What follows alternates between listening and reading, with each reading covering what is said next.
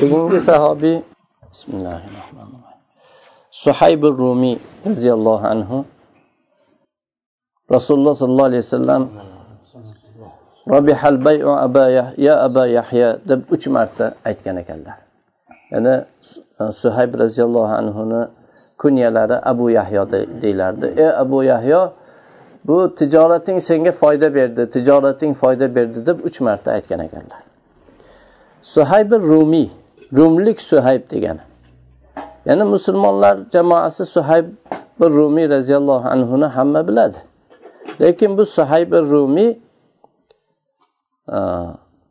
u kishini masalan hadislar rivoyatida shu ko'pchilik musulmonlarni ichida bu suhaybi rumiy bo'lib mashhur bo'lganlar hamma biladi. Lekin ko'pchilik bizlardan u kishini suhaybni rumlik emasliklarini balki u kishi toza arab aslzodalardan ekanligini ozchiligi biladi. U kishi otalari bani namir qabilasidan onalari banu tamim qabilasidan. Ya'ni otalarini numayriy deyiladi tamimiy onalari. Suhaybni nimaga bo'lmasa bu kishini rumiy deb aytiladi. Suhayb rumlik suhayb deyiladi. Buni e, ajoyib bir qissasi bor. Tarix hofizasida bu saqlangan tarix kitoblarida rivoyat qilinadi. Rasululloh sollallohu alayhi vasallam payg'ambar qilib yuborilishlaridan bir yigirma yilcha ilgari ubulla degan joyga sinon ibn molik numayriy degan odam podshosi edi. Ubulla degan yerni ba'zi tarix nimalarida shu hatto ayla deb ham aytilar ekan. Ubulla yoki aylash. Bu yerda ubulla deyilyapti. Shu ubulla degan joydagi e, bu mintaqaning podshosi sinon ibn molik numayri edi. Ya'ni fors podsholigi tarafidan qo'yilgan voliylardan edi bu sinon ibn moliki numayriyni farzandlarini unga eng suyumlisi hali besh yoshdan o'tmagan bir o'g'li bor edi yosh bolasi. Shuni ko'p yaxshi ko'rardi. U suhayb deb nom qo'ygan edi.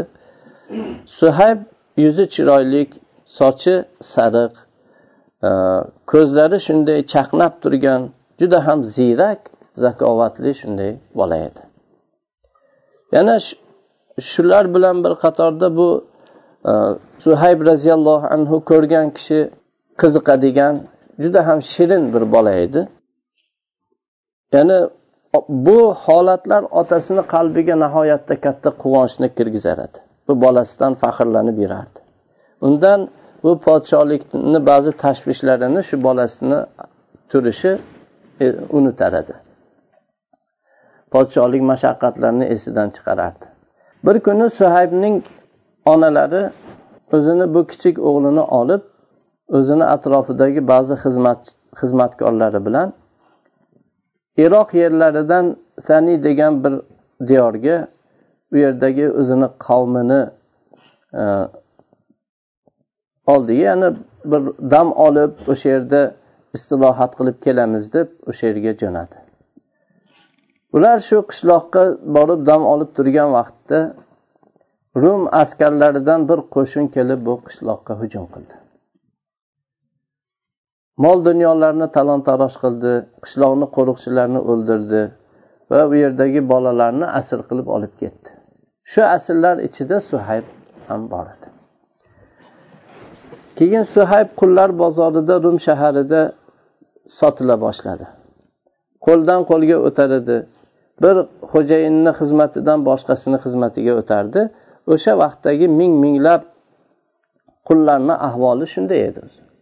Ular bu rum shaharlaridagi qasrda to'lib xizmat qilib yuradigan xizmatkorlar edi.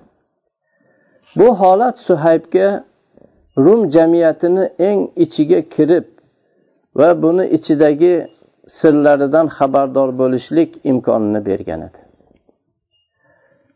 Suhayb rumlarni qasrlarida uya qurgan razilliklar fahsh buzuqchilik nohaq qon to'kish adolatsizliklarni hammasini o'z ko'zi bilan ko'rib qulog'i bilan eshitar edi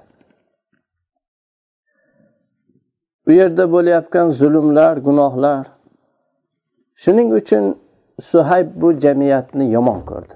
Bundan nafratlanardi.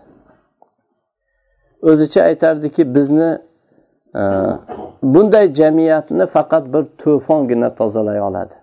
Bu o'nglanmaydigan jamiyat ekan deradi suhayb bu rum shaharida e, o'sib o'sha yerda katta bo'ldi. Rum yerlarida rum ahli ichida u kishi ulg'aydi. Bu kishi arabchani esdan chiqarib yoki esdan chiqarishga yaqin bo'lishligiga qaramasdan doimo ko'nglida o'zini arab arab millatidan ekanligi shu sahro xalqi ekanligini esdan chiqarmasdi.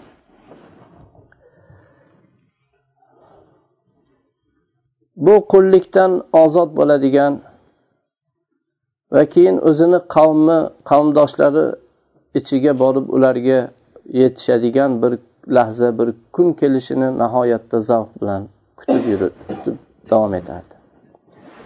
Bir kuni bu nasorolarni kohinlardan bittasi o'zini xo'jayinlarini bittasiga qarab hozir shunaqa bir vaqt yaqinlashdiki makkada arab jazirasida bir payg'ambar keladi. U iso iso alayhissalomni risolatlarini tasdiqlaydi va odamlarni zulmatlardan nurga chiqaradi. Bu bo'layotgan botil nohaqliklardan hammasidan qutqazadi. Butun adolatni yer yuziga om qiladigan shunaqa bir payg'ambarni vaqti keldi deganini eshitib bu xabar suhaybni yana zavqini oshirdi. Undan keyin u kishi payt boylab yurar edi. Xo'jayinlarini qulligidan qochib ketishlikka bir kuni imkon bo'lib qoldi. U kishi shu qullikdan shart qochib ketib qoldi. Makka tarafga ketdi. Arablarning markazlari bo'lgan va bu kutilayotgan payg'ambarlikni yuboriladigan joyi deb bu kishi eshitdi. Bu rumlar ichida yurib shu joyga qarab ketdi. Borib makkaga borib joylashgandan keyin odamlar u kishiga tillarida ozgina rum e, talaffuzi va arabchani yaxshi gapirolmaganliklari uchun va sochlari sariq bo'lganligidan u kishini suhaybi rumiy deb rum laqabini shunda qo'yishgan edi. Shundan keyin u kishi suhaybi rumiy bo'ldilar. Suhayb makkani ulug' ulug'laridan boylaridan bittasi abdulloh ibn judon bilan kelishib oldilar. Yana tijoratda unga ishchi bo'ldilar tijoratini qiladigan. Va bu odamga nihoyatda ko'p foyda juda katta mol dunyo keltirishga sabab bo'ldilar. Suhayb lekin bu tijorat u kishini ko'p dunyo topishligi hali nasroniy kohinni so'zini hech bu kishini esidan chiqarmasdi. Doim esida o'sha so'z turar yana bir payg'ambar vaqti keldi. U bu botil bu nohaqliklarni hammasiga qarshi bo'ladi. Odamlarni zulmatdan nurga chiqaradi degan so'z doim u kishini esida bor edi. Lekin u kishi o'zidan so'rardi bu qachon bo'larkan bunday kutilayotgan ulug' bir payg'ambarni kelishi qachon bo'ladi? Ko'p o'tmadi bu savolni javobi ham topildi. Bir kuni suhayb o'zlarini tijoriy safarlardan qaytib makkaga kelgan edilar. U kishiga aytildiki muhammad ibn abdulloh sollallohu alayhi vasallam u kishiga payg'ambarlik jo'natilibdimish degan xabarni eshitdilar. Odamlarni yolg'iz ollohni o'ziga iymon keltirishga da'vat qilyapti. Odamlarni adolatga yaxshilik qilishlikka tezlayapti. Odamlarni buzuqchiliklardan munkar yomon ishlardan qaytaryapti. Nohaqlikdan botildan qaytaryapti degan xabar keldi. Shunda bu kishi aytdilarki bu qurayshliklar amin deb laqab bergan kishimi deb so'radi. Ha o'sha odam. U kishini joyi qayerda deb so'radi. U kishini joyi shu safo tog'ini oldida arqam ibn abi arqamni uyida deyishdi. Lekin qurayshlardan birortasi ko'rib qolishidan ehtiyot bo'l. Agar seni ko'rib qolsalar adabingni berishadi. Ular urishadi hozir bilolni bunday azoblayapti. Islomga kirganni shunday shunday qiynoqlarga solyapti degan xabarlarni berishdi. Sen bu yerda g'arib odamsan. Qarindoshing yo'q. Seni himoya qiladigan yaqinlaring yo'q. Senga yordam beradigan aqrabolaring yo'q dedi. Suhayb ehtiyot bo'lib kuzatib har yoqqa qarab arqamni uyiga qarab jo'nab ketdilar. Arqamni arqamni uyiga yetib borgan vaqtlarida eshikni oldida ammor ibn yosir ham kelib turgan ekan. Oldindan ammorni tanir edi. Biroz ikkilanib sal uzoqroqda aylanib turdilar bu ammor ketib olsin deb. Bu ammor ham ketmay u kishi ham shu yerda turaverdi. Keyin suhayb bu hovliga yaqinlashib kelib ey ammor bu yerda nima qilib yuribsan nima xohlaysan? dedi. Ammor aytdiki sen o'zing nimaga kelding? Nima xohlaysan? deb u kishi ham so'radi. Shunda suhayb aytdiki men mana shu yerdagi kishini oldiga kirib uni aytayotgan so'zlarini eshitishni xohlayman dedi. Ammo men ham shuni xohlab kelganman va unda birga kiramiz ollohni barakotida deb suhayb ibn sinon rumiy bilan ammor ibn yosir ikkalalari barobar rasululloh sollallohu alayhi vasallamni huzurlariga kirdilar va rasul sollallohu alayhi vasallamni so'zlariga quloq soldilar. Ularni qalblariga iymon nuri kirdi. Ular qo'llarini shoshilib rasul sollallohu alayhi vasallamga uzatdilar va ashhadu an la ilaha illalloh va anna muhammadan abduhu va rasuluh deb shahodat berdilar. Ollohdan boshqa haq ma'bud yo'q va muhammad sallallohu alayhi vasallam ollohni bandasi va ollohni payg'ambari deb guvohlik berib dinga islomga kirdilar. Ular shu kuni kun bo'yi rasul sollallohu alayhi vasallamni huzurlarida qolib ketdilar. U kishini hidoyatlaridan qonishar edi. U kishini suhbatlari bilan shunday baxtli bo'lib quloq solib o'tirishdi. Kechgacha kech kirgan vaqtda hamma harakatlar tingan vaqtda keyin rasululloh sollallohu alayhi vasallamni huzurlaridan shu zulmat pardasi ostida chiqib ketdilar. Endi bularni har birini qalbida butun dunyoni hammasini yoritishga yetadigan bir iymon nuriga to'lib chiqib ketdilar. Suhayb bilol ammor sumayya habbob va bulardan boshqa o'nlab mo'minlar bilan birga bu qurayshlarni ozori ularni ishkanjasidan o'z nasibalarini bu kishi ham boshdan kechirdi. Bu kishi ham agar tog'larga tushsa tog'lar erib ketadigan tog'lar chiday olmaydigan azob uqubatlarni boshdan kechirdi. Bularni hammasiga sabrlik iymon bilan xotirjam bo'lgan qalb bilan qarshi turib berishdi. Lekin suhayb bilardilarki albatta jannat yo'li ozgina mashaqqatlar bilan e, makorihlar bilan o'ralgan bo'ladi. Rasululloh sollallohu alayhi vasallam ashobi kirom roziyallohu anhumda buncha mashaqqat buncha tanglik ozor aziyatlar ko'paygan vaqtda madinaga hijrat qilishlikka ruxsat berganlarida suhayb roziyallohu anhu rasululloh sollallohu alayhi vasallam bilan birga ketaman deb qasd qildilar. Rasululloh sollallohu alayhi vasallam abu bakr bilan. Lekin qurayshlar bu suhaybni qilgan bu e, maqsadlarini sezib qoladi va u kishini bu maqsadidan qaytaradi. Rasululloh sollallohu alayhi vasallam abu bakr siddiq roziyallohu anhu hijratga chiqqan vaqtlarida bu kishini qattiq kuzatib atrofini o'rab chiqishga qo'ymaydi. Bu kishini ustida ko'p nazoratchilarni qo'yib qo'yadi. Bularni qo'lidan hech qutulolmay qoladilar. Oxirida yana o'zlarida ko'p bu tijorat orqali oltin kumushlarni ko'p jamlagan edilar. Shuning uchun bular ham qo'yib yuborishmas edi. U kishi ham shu yerda turib qoldi. Rasululloh sollallohu alayhi vasallam hijrat qilib ketdilar. U kishini sahobalari ketishdi.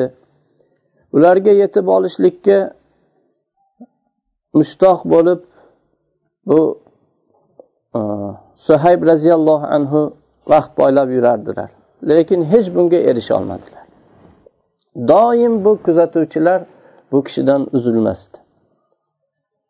Keyin oxirida bir hiyla qilishlikdan boshqa iloji yo'q deb bir hiylaga qo'l urdilar bir kecha sovuq kechalar edi.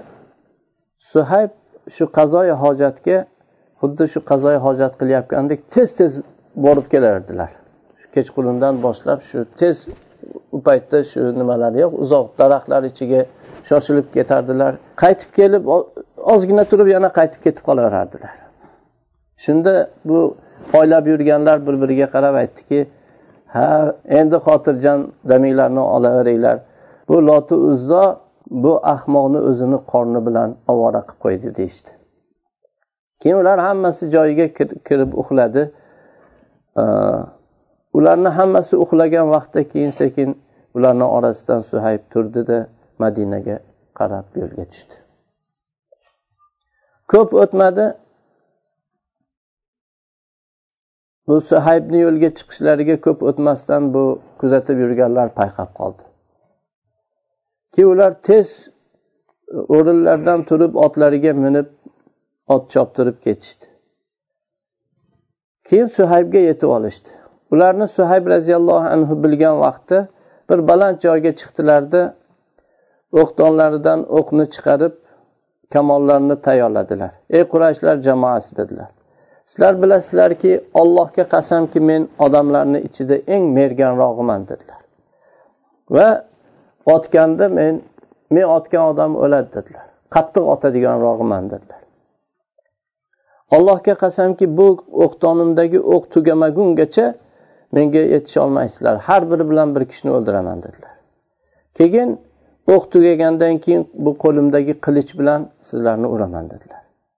Shular shunda ulardan bittasi aytdiki allohga qasamki sen ham o'zing ham molingni e, olib chiqib ketishingga biz yo'l qo'ymaymiz dedi.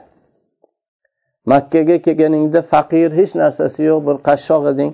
Endi boy bo'lib shuncha narsaga yetib ham o'zingga ham ketasan dunyoyingni ham olib ketasanmi dedi. Suhab aytdilarki agar men molimni sizlarga qoldirsam meni yo'limga xoli qo'yasizlarmi dedilar. Bo'pti unda ketaver deyishdi. Shunda u kishi uyda makkadagi uyidagi o'zini molini bekitgan joyini ularga aytdi. Ular ketishdi borib molini chiqarib olib keyin endi ketaver deb bu kishini yo'liga xoli qo'yishdi. Suhayb roziyallohu anhu madinaga qarab o'zlarini dinlarini olib qochib olloh va allohni rasuli uchun hijrat qilib nihoyatda tez ketdilar. Bu butun umrlarini yigitlik vaqtini umrlarini eng bir gullagan vaqtini buni jamlashlikka to'plagan buncha dunyoga afsus chekmasdan dunyodan kechib ketib yubordilar qancha u kishi charchab qolsa bir zaiflik yetib qolsa rasululloh sollallohu alayhi vasallamni eslardilar. Rasululloh sollallohu alayhi vasallamga bo'lgan zavq u kishini yana yengillatardi u kishini g'ayratlari yana o'rniga kelib safarni davom ettirdi u kishi quboga yetib borganlarida rasululloh sollallohu alayhi vasallam suhaybni ko'rib juda xursand bo'lib kulib qarab turardilar. Keyin birinchi aytgan so'zlari ya aba yahya. Bu oldi sotding senga katta foyda keltirdi ya aba yahyo deb uch marta takrorladilar. Shunda suhayb nihoyatda xursand bo'ldilar. Aytdilarki ollohga qasamki mendan oldin sizga hech kim kelgani yo'q yo rasululloh. Bu albatta jibril alayhissalom ollohni vahiysi bilan sizga bildirgan dedilar haqiqatdan suhayb roziyallohu anhuga bu bay foyda bergan edi. va buni osmon vahiysi tasdiqlagan edi ya'ni bu rasululloh sollallohu alayhi vasallamga vahiy bilan bu xabar kelgan edi jibril alayhissalom suhayb haqida mana bu suhayb va suhaybga o'xshaganlar haqida mana bu vahiyni olib kelgan edilar ومن الناس من يشري نفسه ابتغاء مرضات الله والله رؤوف بالعباد odamlardan ba'zilari ollohni roziligini istab o'zini nafsini sotadi alloh taolo o'zini bandalariga mehribon zotdir degan oyat nozil bo'ldi suhayb ibn sanon rumiyga ollohni rahmati bo'lsin alloh taolo u kishiga jannatlardan makonlarni bersin va yaxshi bir qismat mukofotni alloh taolo kishiga nasib qilsin سبحانك اللهم وبحمدك أشهد أن لا إله إلا أنت أستغفرك وأتوب إليك ya'ni bu hijrat degan narsa hijratga chiqishlik bizlarga mana shunday zotlardan qolgan. Shunday ulug' zotlardan bizga meros qolgan narsa bu. Bu qiyomatgacha bu kufru iymon bo'lar ekan. Kufrdan iymonni olib qochishlik iymonga e, iymon tarafiga qochishlik bu davom etadi. Rasululloh sollallohu alayhi vasallam to tavba eshigi yopilmagungacha hijrat davom etadi dedilar. Tavba quyosh botgan tarafidan chiqmagungacha tavba eshigi ya'ni tavba to'xtamaydi dedilar ya'ni bu qiyomatgacha bu hijrat davom etadi. Ya'ni bu hijratga chiqqan muhojir musulmon mo'minlarga bu albatta juda katta bir ollohni rahmati ozgina mashaqqat bunday qiyinchilik ko'p narsalardan judo bo'lishlik bor. Inshaalloh buni olloh subhanava taolo oldida olloh uchun xolis bo'lsa haqiqatdan shu dinimiz uchun olloh rasuli uchun chiqilgan bo'lsa buni juda katta mukofoti bor ya'ni buni biz bilmagan hech kim uni qadrini bilmaydigan nihoyatda ulug' inshaalloh buni mukofotlari bor سبحانك اللهم بحمدك أشهد أن لا إله إلا أنت أستغفرك وأتوب إليك والسلام عليكم ورحمة الله وبركاته